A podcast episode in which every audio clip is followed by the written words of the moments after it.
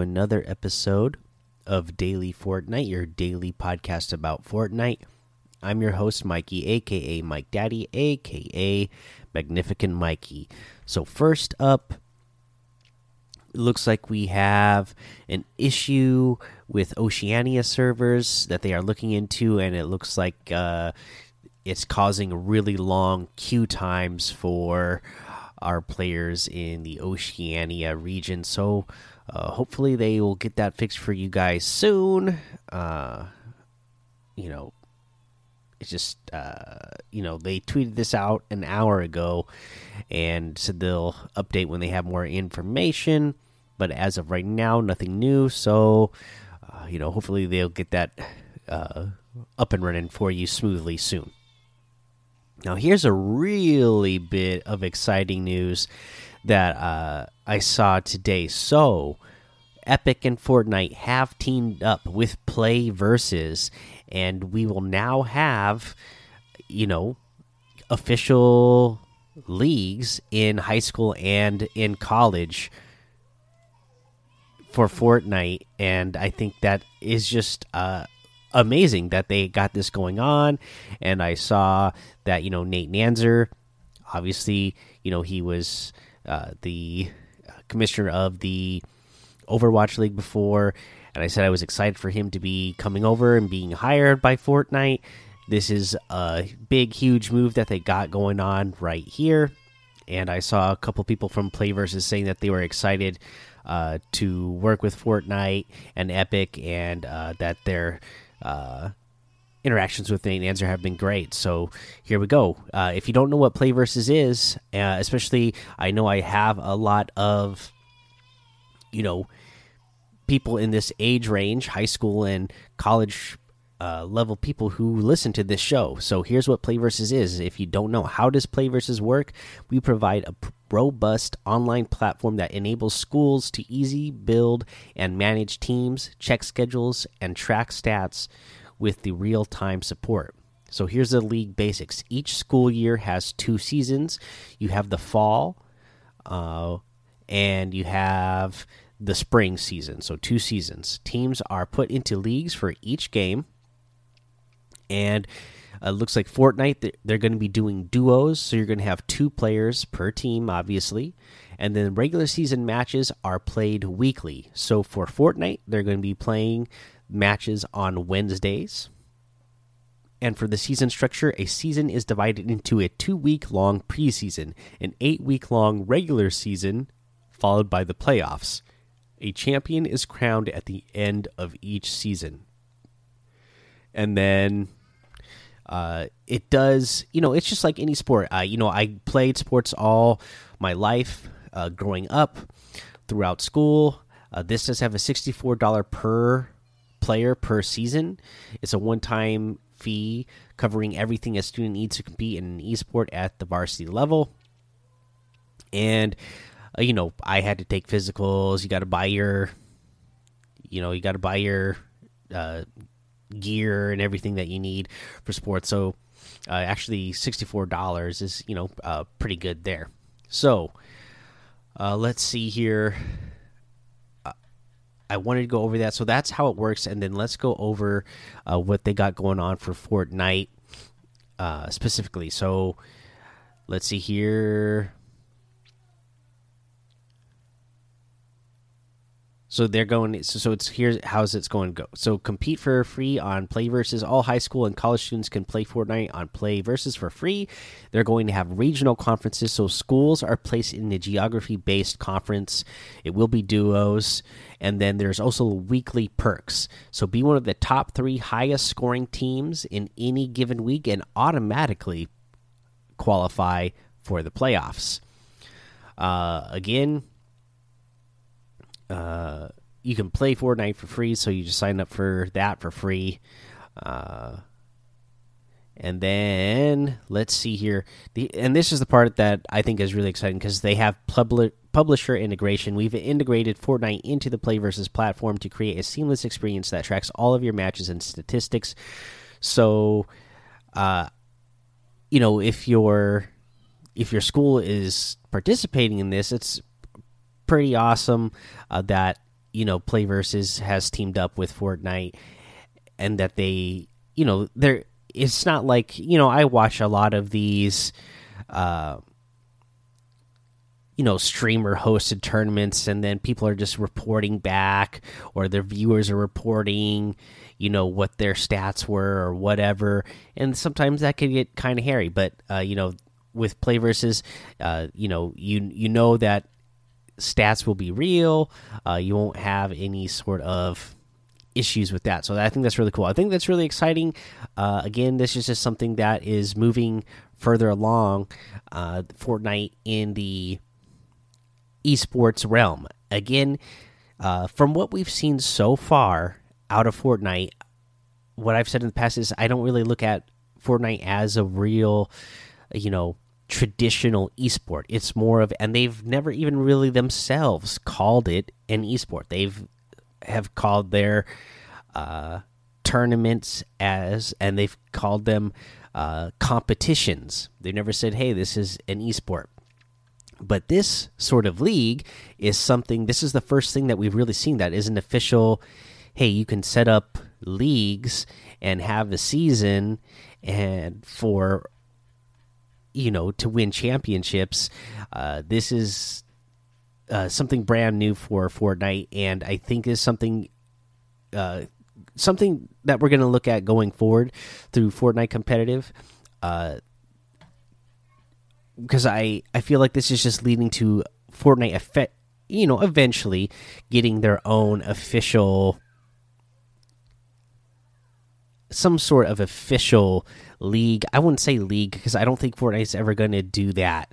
They're not going to, you know, do what Overwatch did and have, you know, set up uh, organizations and teams and drafting players and signing players like that. But I think you know this is a good step in direction of like there's something being solidified in what what is what is a Fortnite esport league look like. So uh, exciting on that front. All right, but that's all the news that we actually have for you today. There's uh, nothing else really new that we had announced, but I thought that was really, really exciting news uh, there. Uh, other than that, uh, you know, challenges, I think we've gone over all the ones basically that you need to go search for things. So just remind you to get your overtime challenges done. Uh, you probably already have them done because they're they're pretty easy, and we're still a week away from the next set of overtime challenges unlocking. So uh, we got plenty of time there. But make sure you're, uh, you know, not falling behind and then last second trying to get them all done. Uh, let's go ahead take a break here. We'll come back and go over our item shop and a tip of the day.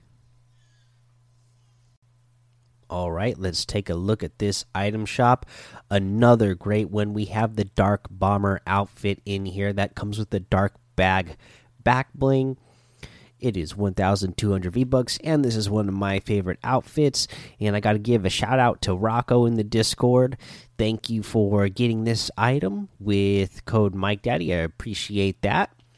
We have the Thunder Crash harvesting tool really cool one for 1200 and the dark glyph glider i've said in the past this is one i really like because i love the uh, animated uh, feature that it has on top of it uh, that is 500 we have the uh, Tempest outfit that comes with the Lightning Cloak back bling for 2,000 V bucks. Again, I always love the stuff with the animated storm stuff, so I really like this outfit. You have the Bolt outfit for 800, another great, clean, sleek outfit. Uh, the Storm Bolt harvesting tool for 1200, the Storm Eye glider for 1200, and the Turbulent wrap for 500. We have the cryptic outfit that comes with the spectral spine back bling for 1200 and this is another one just looks uh, really cool in my opinion. I love the uh, glowing uh, yellow eyes and uh, the pitch black uh, skin that it has. Really cool. Uh, we have the Enigma wrap for 500 we have the Jaeger outfit for 1,500. This one comes with the emblazoned buckler back bling. You have the Whiplash outfit for 800. The Gold Digger harvesting tool for 800. The Pick Squeak harvesting tool for 1,500. The Infectious emote for uh, 500. And a new emote, the Cap Kick emote. Give it a kick. And I'm sure you guys have seen that. Uh, cap challenge that was going around the internet there for a little while where you would try to kick the uh, cap off of a bottle by doing a roundhouse uh, kick uh, and that's what that's what this emote is. So pretty cool. You're you're doing it to a bottle of what looks like you know uh, slurp juice and you're kicking off the cap that is shaped like a llama head.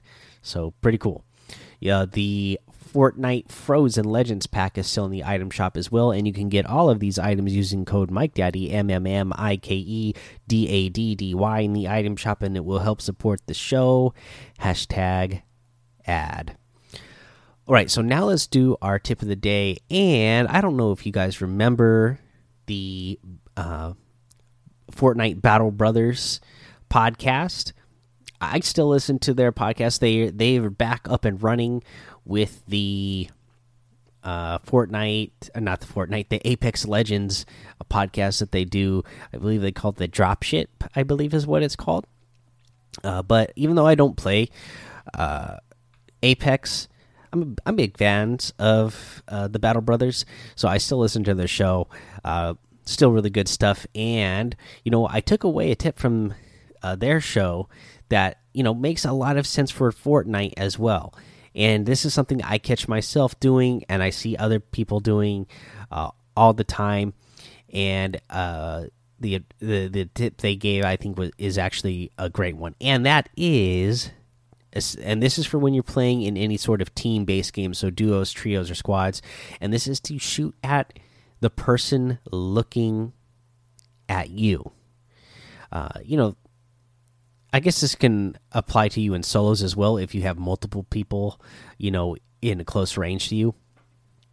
But you know, especially in the team-based games where you know you're going to be running into uh, multiple people, uh, especially you know, especially squads, you're going to be running into big groups of other people all uh, focusing on you and maybe trying to, uh, you know, build at you from a certain direction and get different angles on you.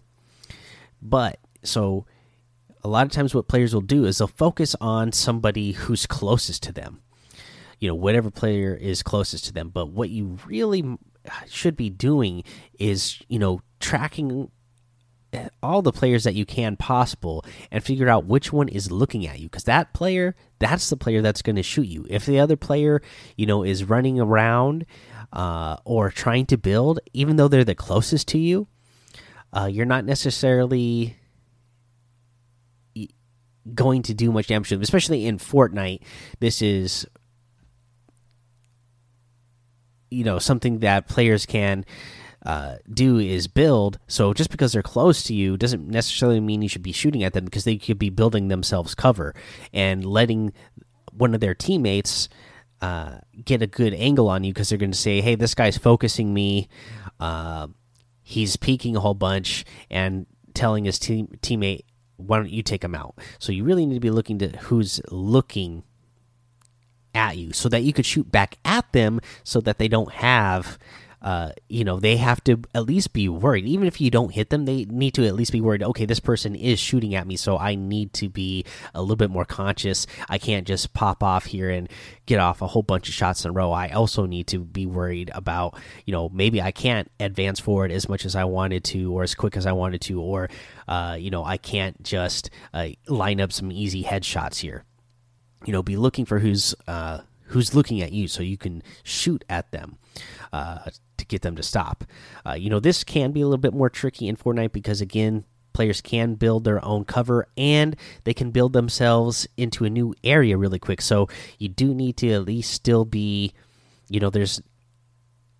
You know, you're never really in a fully open area because players can build their own bases, their own little uh, boxes, and they can be changing their position all the time and getting new angles. So you at least need do need to be aware of where everybody is because that person who was close to you, they might all of a sudden be looking at you now. But uh, that is something that you know I I thought was a great tip that you should just at least be thinking of uh, more often, and myself included, is be shooting at the person who's uh, you know looking at me, and and that means taking the time to look around and say, is this person building right now, and that person has stopped and looking to shoot at my team, and that's the person I should be shooting at. That way, they at least have to stop for a second. All right, that is the episode for today's guys. Go join the daily Fortnite Discord and hang out with us. Follow me over on Twitch and YouTube and Twitter, Mike Daddy on all of those. Head over to Apple Podcasts, leave a five star rating and a written review for a shout out on the show. Subscribe so you don't miss an episode. And until next time, have fun, be safe, and don't get lost in the storm.